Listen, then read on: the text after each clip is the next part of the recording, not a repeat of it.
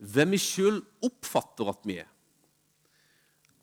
Altså, Jeg tror at Gud har en tanke om hvem vi er. Og så er spørsmålet om vi er enige. Han har en intensjon, en mål, om at vi skal være enige med han. Og eh, tenke likt om oss sjøl som han gjør. Du vet, Han har jo faktisk fasiten. Guds ord er sannhet. Han er sannheten sjøl. Så vet, han har fasiten om du. Han har fasiten om alt, men nå har han fasiten om du. Og så er det hans mål at du og jeg skal liksom bli enige med han. Og tenke som han om oss sjøl. Om hvem vi er. Om hvem vi er. Og eh, det at vi har kommet til tro på Jesus, det, liksom, det gjør noe med hvem vi er. Det gjør at vi får en identitet som er i Han. Og Vi har prata et par eh, søndager om rettferdighet. At vi er rettferdige. Det betyr at forholdet vårt med Gud, det er rett. Det er rett. Vi får stempelet av Han som gode nok. Ikke på grunn av eller basert på det vi gjør, men basert på at vi tror på Jesus Kristus. I Han, eller sammen med Han, eller altså, Når vi tar imot Han, så tar vi imot en gave ifra Gud. Og den gaven er rettferdighet. En rett stilling, et rett forhold til Gud. Så når Han ser på oss, så ser han på oss som gode nok, ferdige. Det er klart, det er godt nok. Det fins ingenting for oss å legge til for at han skal bli mer fornøyd med oss. Han er fornøyd. Når han ser på det med, så er det sånn Perfekt. Perfekt. Fordi vi er rettferdiggjort ved troen på Jesus Kristus. Og Det her med identitet er noe utrolig viktig. Derfor at jeg tror at det vi oppfatter at vi er, det er det vi lever. Den vi oppfatter at vi er, det er det vi det, det, det preger hva vi gjør, og hvem vi er. Det finnes sånne ordtak som sier 'du er det du spiser'. Er det ikke det? Er ikke det Randi du som er sånn Ja, du er det du spiser. Ja. Vet du hva? Du er på en måte, eller du, du blir òg det du tror det du tror. Det fins noe som kalles troens lov i nye testamentet. Paulus har et, et, et, et bibelord som kalles troens lov, og der står det Vi tror, og derfor taler vi. Altså, når du har tro, så handler du. Det er sånn automatisk, det. Det er ikke noe liksom, vi behøver å stresse med, for det skjer automatisk. Når du har en tro, så fører det til handling. Jakob sier det. Uten gjerninger er troen død, sier han. Da handler det ikke om du at du liksom må skjerpe deg for at du må utvise en tro. Men Har du ikke tro, så har du ikke tro. Men har du tro, tillit til noe, så preger det livet ditt. Tro fører til handling. Tro preger livet ditt. Så det du tror om deg sjøl, preger ditt liv. Så er det. Så Derfor, det å tro rett om seg sjøl, det er så viktig for å kunne gjøre og være det som Gud har tenkt at du skal være. For at Han har tenkt at vi skal være som Kristus i denne verden. For at vi skal kunne være som Kristus i denne verden, så må vi faktisk forstå at vi er som Kristus i denne verden. Din identitet er i Han. Ved troen på Han så tar vi imot en ny identitet. Altså, Vi er liksom det Jesus er. Vi er rettferdige fordi Han er rettferdig. Det handler ikke om våre liksom, gjerninger. Det, det er ikke vi som lenger blir bedømt når vi skal bedømmes av Gud. Det er Han vi er kobla med. Han vi har satt vår tro til. Jesus Kristus. Så der fins vår identitet i Kristus. Og vi har, vi har eh, Jeg tok utgangspunkt i Galaterbrevet. Og Galaterbrevet er et fantastisk brev som handler akkurat om det her. Med hvem er vi ved troen på Jesus Kristus? Hvem er vi ved troen på Jesus Kristus? I dag tenkte jeg vi skulle hoppe litt. Vi var i eh, andre kapittelet de to siste søndagene jeg talte. I dag skal vi gå til kapittel tre. Og så skal vi se på en, en sånn en sannhet som er knytta til det her med, med hva er vi ved troen på Jesus Kristus? Galaterbrevet kapittel 3, vers 26. For dere er alle Guds barn ved troen i Kristus Jesus. Dere er alle Guds barn ved troen i Kristus Jesus. Det oversettes 'barn' der, men på gresk så står det dere er alle Guds sønner ved troen i Kristus Jesus. Jeg tror faktisk at det er en forskjell som faktisk er vesentlig. Kommer tilbake til det ved troen på Jesus Kristus, som rettferdige, som det som Paulus sier i 2. Korinterbrev som nye skapelser, så er vi Guds barn, eller Guds sønner. Alle dere som er døpt til Kristus, har kledd dere i Kristus. Her er ikke jøde eller greker, her er ikke slave eller fri, her er ikke mann og kvinne. Dere er alle én i Kristus Jesus. Og hører dere Kristus til, er dere Abrahams ett og arvinger etter løftet, står det. Den som tror på Jesus Kristus, er Guds sønner. Vi prater ikke en kjønnsterm her, derfor at vers 28 stedet inkluderer både menn og kvinner. Vi prater ikke heller eh, sosial liksom, status. Det inkluderer slaver og frie.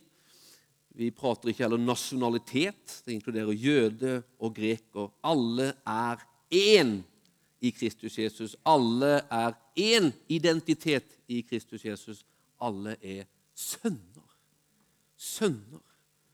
Og hører dere Kristus til, er dere Abrahams ett og arving så, og hører dere Kristus, er dere Abrahams ett og arvinger etter løftet, står det. Så at identiteten vår vi bygger identiteten vår på så utrolig mange ting. Når vi bedømmer oss sjøl og tenker 'Hvem er vi?', så gjør vi det så, på så utrolig mange, ut fra mange eh, prinsipper eller betingelser. På denne tida, når, når, når Paulus skriver, så, så, er det her, med, det her med å være mann og kvinne det er kjempeforskjell på å være mann og kvinne. Det å være slave og fri det er kjempeforskjell på å være slave og fri. Det er jøde eller greker det er kjempeforskjell på det. Og vi har mange andre sånne her betingelser som, som, vi på en måte bruker og benytter oss av når vi, når vi liksom bedømmer andre og bedømmer oss sjøl. Hvem er vi egentlig? Men Paulus sier at alt det der er egentlig uinteressant når du tror på Jesus Kristus. så er det på en måte den som er interessant. I Han er alle en. Vi er sønner. Vi er sønner. Så fortsetter han her i kapittel 4. La meg forklare dette. Så lenge en arving er umyndig, står han likt med en slave, enda han eier alt. Han står under formyndere og forvaltere helt til den tiden hans far har fastsatt. Slik er det også med oss. Da vi var umyndige, var vi slaver under grunnkreftene i verden.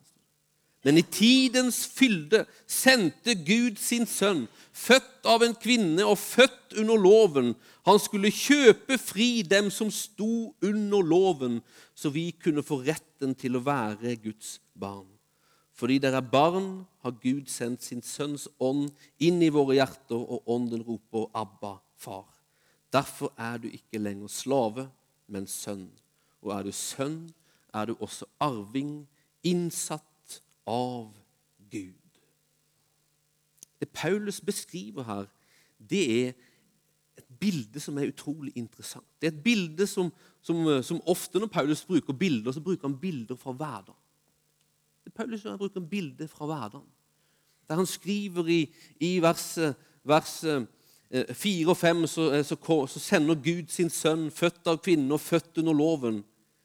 Og så er det som hensikten med å sende sønnen det er vers 5 at han skulle kjøpe fri dem som sto under loven, så vi kunne få retten til å være Guds barn.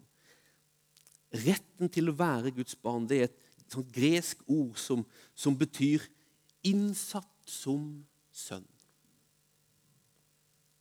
Og den termen, den, den, den liksom, greia det å bli innsatt som sønn, det var en ting som var kjent i den verden. I romerske verden så hadde de en seremoni der man innsatte en sønn.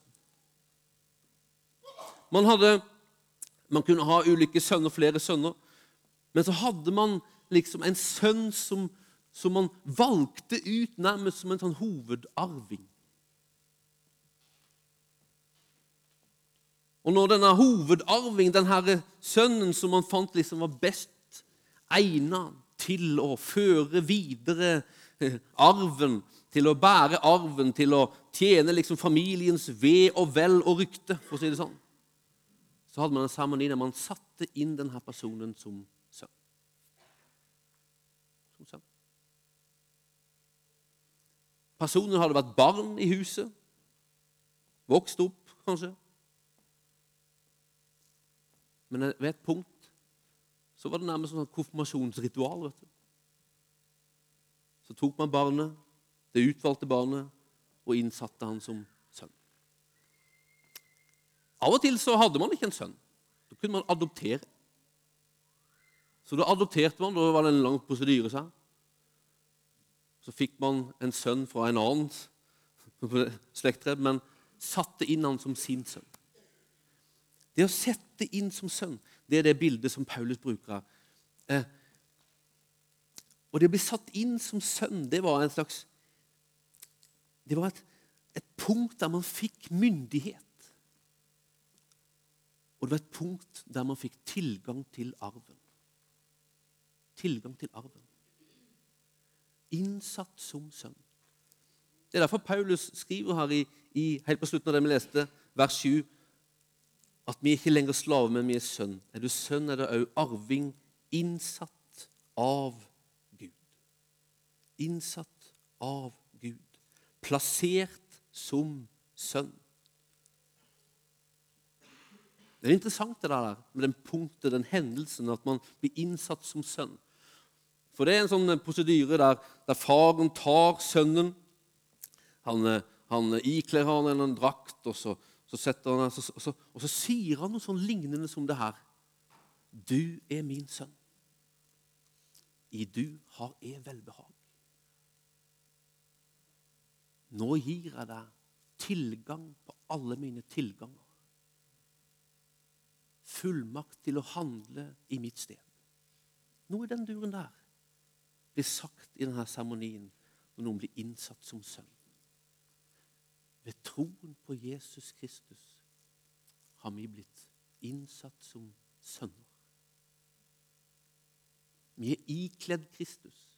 Vi har fått del av hans identitet. Vi er innsatt som sønn på samme måte som han er innsatt som sønn. Kjenner dere igjen ord? Av hvilken punkt i Jesu liv og tjeneste blir han innsatt som sønn? I dåpen. Da får han høre orda fra himmelen. Du er min sønn, den elskede. I du har jeg funnet velbehag. Innsatt som sønn. Så at vi er ikke hvem som helst. Dette er sannheten om du som tror på Jesus. Enten du kjenner for det eller ikke så er det sannheten. Og det er noe av det her som Gud ønsker at jeg og du skal bli enige med Han om. Vi er sønner. Det inkluderer døtre. Dette er en posisjon. Altså. En posisjon av myndighet og av arv hos Han. Så vi er ikke fattigslige, stakkarslige frolendinger. Det handler ikke om frolendinger eller er enda litt lenger. Det handler om du er en ny skapelse, sier Paulus. For at er du en ny skapelse, så har du en ny identitet. Du er sønn av Far i himmelen. Arving. Arving. I Kristus så er vår identitet sønner. Vi er kledd i ham, med ham, identifisert i ham, ett med ham. Og vi har fått en posisjon lik hans. Vet du, det at vi er det, det er det som gjør at vi kan være som han i denne verden. Det du er, avgjør hva du har. Og hva du har, avgjør hva du kan gi. Det å tro Det vi tror vi er, avgjør hva vi tror vi har. Og hva vi tror vi har, avgjør hva vi tror vi kan gi. Er dere med på det? Så det er mileforskjell på å tro at du er slave, på at du er offer, på at du er under, kontra det å tro at du er sønn. Du er arving med myndighet. Så det er viktig å få tak på det her. Men hvordan kan vi få tak på det her livet som sønner? Hvordan kan vi få tak i det? Jo, jeg tror vi kun kan få tak i det med hjelp. Vi er desperat avhengig av hjelp. Desperat avhengig av hjelp. Og jeg tror at det er hjelpen som Paulus beskriver her i kapittel 4, vers 6. Fordi dere er barn, sønner, står det der altså, på gresk. Fordi vi er sønner. Så det er faktum. Det er sannheten. Fordi vi er det, så har Gud sendt sin sønns ånd i våre hjerter, og ånden roper 'Abba, far'. Fordi vi er gjort til sønner gjennom troen på Kristus, så har Gud sendt sin sønns ånd for å hjelpe oss til å leve som sønner. Så Ånden beskrives her som Sønnens ånd. Han som er den fullkomne Sønnen. Altså, Hvems ånd er bedre til å hjelpe oss med å leve liv som sønn enn Sønnens ånd? Han har sendt hjelp. Åndens sønn er sendt som hjelp for at vi skal kunne leve som sønner.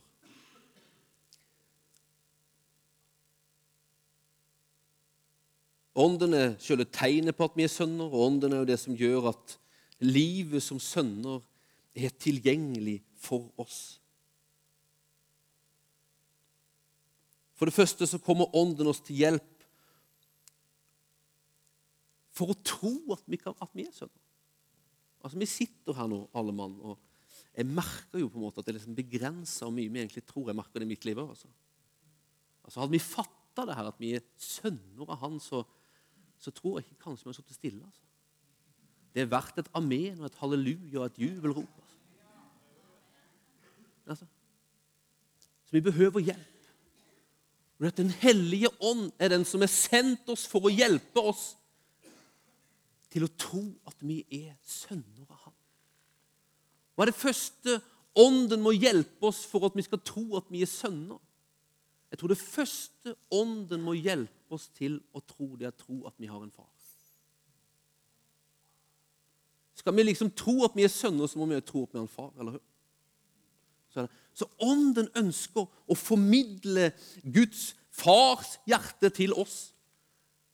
For at vi skal oppleve det, erfare det så mye at vi tror at Gud, han er vår far. At han er en god far, at han vil ha med oss å gjøre, at han elsker oss. I Romerbrevet 8 som har Bibelen her. I Rombrev 8 så står det om, eh, om Ånden.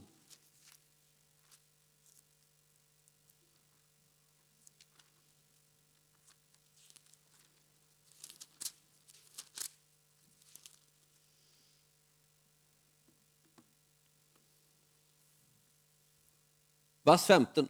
Dere har ikke fått den ånden som slavene har, så dere igjen skulle være redde. Nei, dere har fått ånden som gir rett til å være Guds barn. Der står det igjen det her, eh, denne ånden som, som på en måte det, det, De innsatte som sønners ånd, er det som står der. Den som gjør at vi roper 'Abba, far'. Ånden sjøl vitner sammen med vår ånd om at vi er Guds barn. Står det. Ånden vitner sammen med vår ånd som, om at vi er Guds barn. En annen bibeloversettelse har, har, oversetter det her med at Ånden hvisker i våre hjerter 'Du er Guds elskede barn'. Du er Guds elskede barn. Du er elsket av Gud. Du er elsket av far.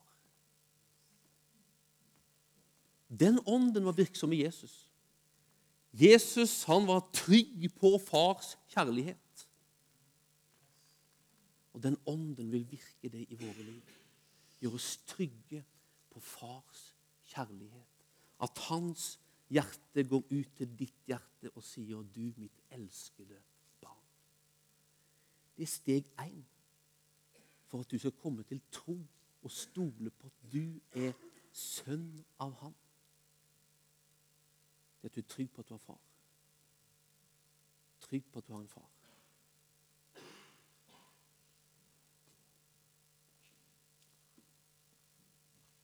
Trygg på at du har en far som bekrefter deg, som vil ha deg, som sier at 'du er min, og alt mitt er ditt'. Som gjør at orda som går utover Jesu liv i dåpen, blir ord som går til du. At Ånden vil at ting skal bli personlig. Ånden vil at Guds tiltale ikke bare skal være til naboen din, men til du. Men de samme ordene som går utover Jesus i dåpen 'Du er min elskede sønn, i deg har jeg funnet velbehag'. De samme ordene går ut over ditt liv, du som er ikledd Kristus. Og Gud ønsker at du og vi skal tro det. Gud ønsker at jeg du skal se det. Gud ønsker at vi skal få innsikt om det på en sånn måte at vi får tro på det. For når vi får tro på det, så preger det livet våre. Du er sønn. Du er sønn. Du er sønn. Og Gud har sendt sin sønns ånd for å virke fram tro på den sannheten. Tro på den sannheten. Så ånden er gitt oss for å vekke tro på at vi er sønner. Men ånden er òg gitt oss for å hjelpe oss til å leve som arvinger. Ånden er liksom den som kommer med arven, sier Paulus. Han sier i både i 2. Korinterbrev 1 og Efeserbrevet 1 at, at ånden er panten på arven. Vet du hva det betyr? Panten på arven. Det er egentlig forskuddsbetalingen på arven. Hva er det vi arver? Vi arver Guds rike. Vi er Kristi medarvinger. Hva er det sønner arver for noe? Man arver jo fars eiendom og rike. Ikke vel? Så vi som Kristi medarvinger, som de som er innsatt som arvinger, vi arver hans rike. Ånden kommer med forsmaken, panten, forskuddet, tar bolig i oss. Så at Jesus han sier han ser på de som følger han, sier han, Guds rike er inne i dere. sier han. That's us. Vi er bærere av Hans rike. Kjenner du det? Det er sant enten du kjenner det eller ikke. Ånden vil hjelpe oss til å leve som arving. Han kommer med arven, plasserer den i oss og sier 'Her har du den. I am here.' Og jeg er her med arven. Guds rike er i deg og i meg. Ånden er det. Ånden er det. Ånden bor i oss, og ånden vil ut gjennom oss. Vi er arvinger. arvinger. Den som ble innsatt som sønn i det romerske riket, den ble ikke innsatt på en måte for å gjøre hva som helst. Du vet, Før faren innsatte sønnen som arving, så, så bedømte han på en måte når er han framme ved den punktet når han kan på en måte representere meg vel.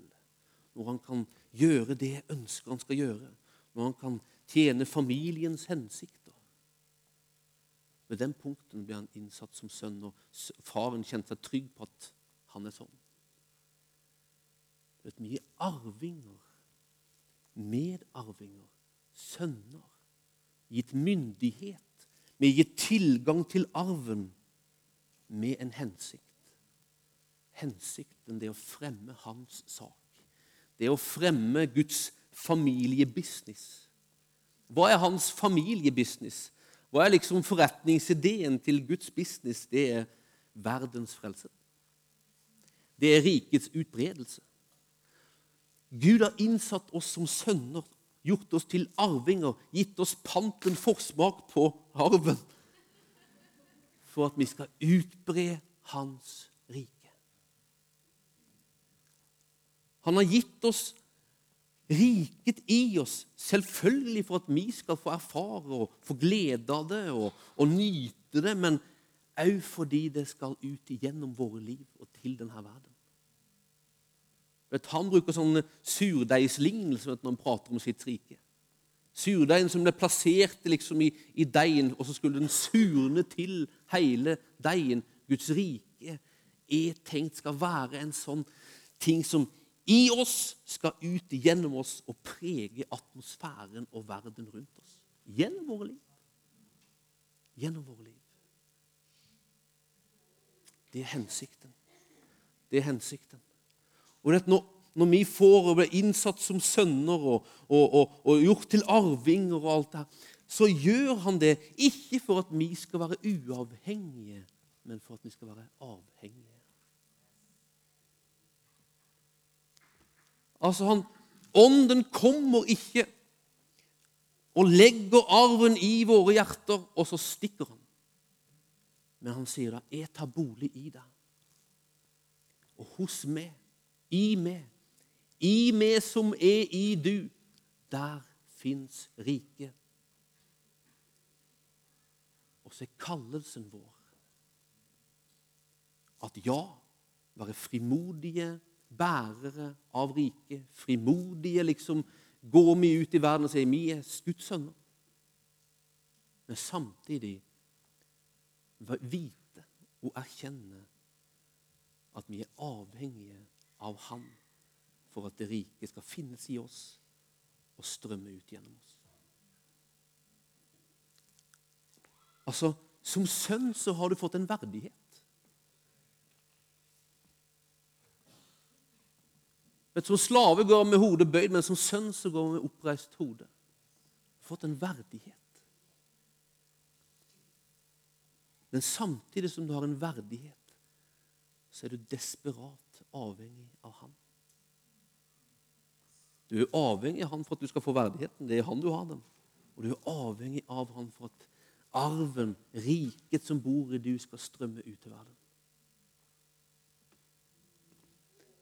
Så at identiteten vår som sønner Guds tanke er at det skal skape frimodighet i oss. Men ikke en frimodighet som gjør oss uavhengige, der vi går vår egen vei, setter tro til oss sjøl og det vi er, at vi blir så store på oss sjøl. Nei. En frimodighet og samtidig en avhengighet av Han. Derfor at det gir avhengigheten av Han at Han får strømme ut og prege verden med det rike Han har. Ole Gustav sa det så bra på bønnen før møtet. Han sa seg, han ba om at vi skulle få være en gener, en generasjon avhengig, var det ikke det du sa? Hvor ble den av? Generasjon avhengig. Vi lever i en verden som, som er liksom det å gjøre seg uavhengig. Gå sin egen vei. Det er en slags liksom status i det. Men at Gud, han ønsker oss avhengige. Det er avhengigheten av Han som er nøkkelen for at hans liv, hans kraft, hans rike skal få, få spre seg ut gjennom våre liv. Så vi skal være et folk som er avhengige av Han. Samtidig skal vi være et folk som så bevisste går ut med et anspråk på å være hans sønner og hans arvinger. Du er noe, derfor har du noe, og derfor kan du gi noe. I Apostlenes gjerninger 3 så finnes det en fortelling som så utrolig bra peker på akkurat denne spenningen. Peter og Johannes de er på vei opp til tempelet. Ikke om du husker fortellingen? Der sitter det en lam mann. Og Han uh, sitter der og tigger, og han uh, setter liksom øynene fulle av håp til Peter og Johannes om å få noe. En klirr i kassa. Og Peter og, Johannes de har, virker ikke som de har noe av klirr i kassa. Men Peter sier, 'Sølv eller gull har jeg ikke.' Men det jeg har, det gir jeg. I Jesu Kristi Nasareons navn, stig opp og gå. En bevissthet om hvem han er. Han er arving av riket. Han er bærer av riket. Samtidig en avhengighet av Gud. Mannen reiser seg opp. Det blir oppstandelse i Jerusalem, så mye oppstandelse at de på en måte kommer etter Peter og Johannes, og som om de var noe, skal opphøye det. Liksom. Så tar Peter ordet, og så får vi se hans avhengighet. Han sier La oss lese det. Israelitter, sier han. Hvorfor er dere forundret over dette? Hvorfor stirrer dere på oss som om det var vår egen kraft eller et fromhet som gjorde at denne mannen kan gå? Nei, Abrahams og Isaks og Jakobs Gud, våre fedres Gud, har herliggjort sin tjener Jesus. Dere utleverte ham og fornektet ham for Pilatus, som hadde beslutta å gi ham fri. Dere fornekta den hellige og rettferdige og ba om å få løslatt en morder. Men livets opphavsmann drepte dere, han som Gud reiste opp fra de døde. Det er vi vitner om. Og så kommer det Ved troen på Jesu navn har dette skjedd. For det navnet har gitt styrke til denne mannen, som, ser, som dere både ser og kjenner. Den tro vi får gjennom dette navnet, har gitt mannen full førlighet igjen, slik dere alle kan se. En frimodighet over hva man har, ut fra den man er, men samtidig en avhengighet og en erkjennelse av at det er ikke min styrke, og det er ikke min kraft, og det er ikke meg i meg sjøl som er nøkkelen til det som har skjedd. Det er Han som bor i meg. Det er navnet. Det er nærværet, og det er ånden. Det er han som er bærer og formidler av riket. Det er han som er bærer og formidler av arven. Jeg får være medarving. Vi er, ikke, vi er ikke hva som helst, vi er ikke hvem som helst. Men nøkkelen til de vi er, det er Han som bor i oss. Karin, kom.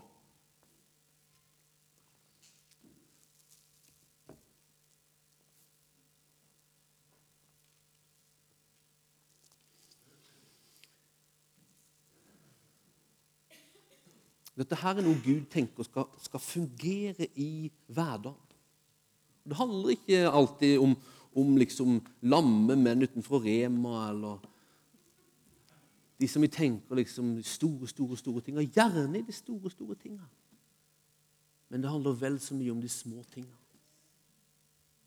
Det handler vel så mye om å være frimodige i, i, i, i det lille. Og dette tror altså at uh, vi bærer så utrolig mye. Jeg tror at han ønsker at vi skal få se så utrolig mye. Ved at det her får sette oss i bevegelse. Sette oss i bevegelse. Ta steg for steg.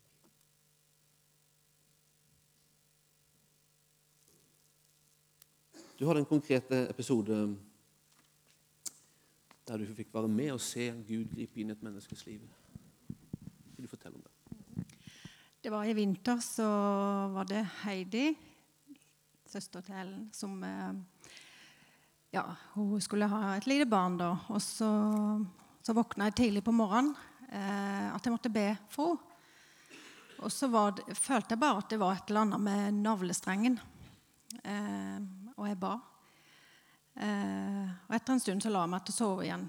Og ved en senere anledning så snakka jeg med Heidi, da, og så, så sier hun det at eh, det hadde vært litt sjau. Det var akkurat som ikke denne jenta fikk komme ut. Det var noe som holdt igjen. Og så sier hun det til jordmor at eh, jeg lurer på om navlestrengen er rundt halsen hennes. Men det, nei, de trodde ikke det da. Men, eh, og hva som skjedde underveis her, det, det er jo ikke så godt å vite, kanskje. Men eh, etter en stund så ble nå denne jenta født, og hun hadde navlestrengen rundt halsen. Men, men det som var rart, det var at den navlestrengen var usedvanlig lang. Så hun jordmora måtte finne målebånd og måle den flere ganger for å se at eh, Så jeg tror at der var Gud. Så ikke det skjedde noe galt. Mm. Mm. Så hadde du en annen episode her ja. der du fikk eh, oppleve noen som Ja. Eh, eh, det høres kanskje lite ut, men for meg betydde det veldig mye den dagen. Det var en dag jeg var litt nedfor. Mm. Og så savna jeg kanskje min far, da. Og så alltid når jeg kom til han, så var det alltid en god klem. Eh, det er jo sånn en god far er, da. Mm. Eh, og så reiste jeg på butikken, og de første jeg treffer på, de var Jan Henry og Tore Ekra. Og de, alltid når jeg ser dem, så minner de meg om pappa, for de var jo sammen på torsdagsgjengen her, da. Og jeg ble jo så glad, så jeg ga de hver sin klem og sto og prata, og så etter en stund så gikk jeg videre. Og så hører jeg bare etter hvert 'Karin'. Og så snur jeg meg, og der kommer eh, Jan Henry. Eh, skikkelig målretta. 'Du, jeg må bare få gitt deg en god klem til', sier han. og for meg ble det akkurat som det var, det var fra Gud. Ikke vel han så jeg trengte den. Så Jan Henry, da var du litt i ledelsen. Mm. Herlig.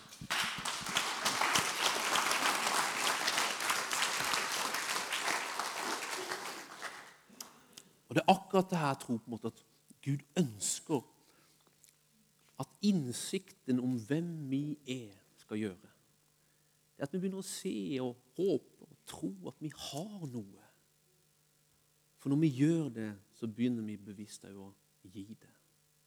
Og Av og til så er det Gud som han taler Gud konkret, at vi skal gjøre ting. Av og til så bruker Gud oss uten at vi nesten vet Men la det settes i bevegelse.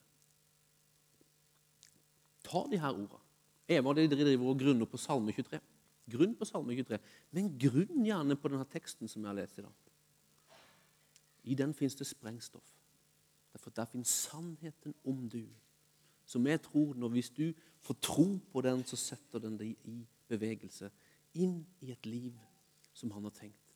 Inn i et liv som du er kalt til nemlig å være som Kristus i denne verden. I stort, i smått, i det synlige og det usynlige. Gud rangerer ikke på den måten her. Også. Han ønsker å møte mennesker. Han ønsker å gjøre det gjennom du. Derfor han ønsker han at du skal tro at han vil det, tro at han har tenkt det, og tro at han kommer til å gjøre det når vi setter oss i bevegelse. Amen.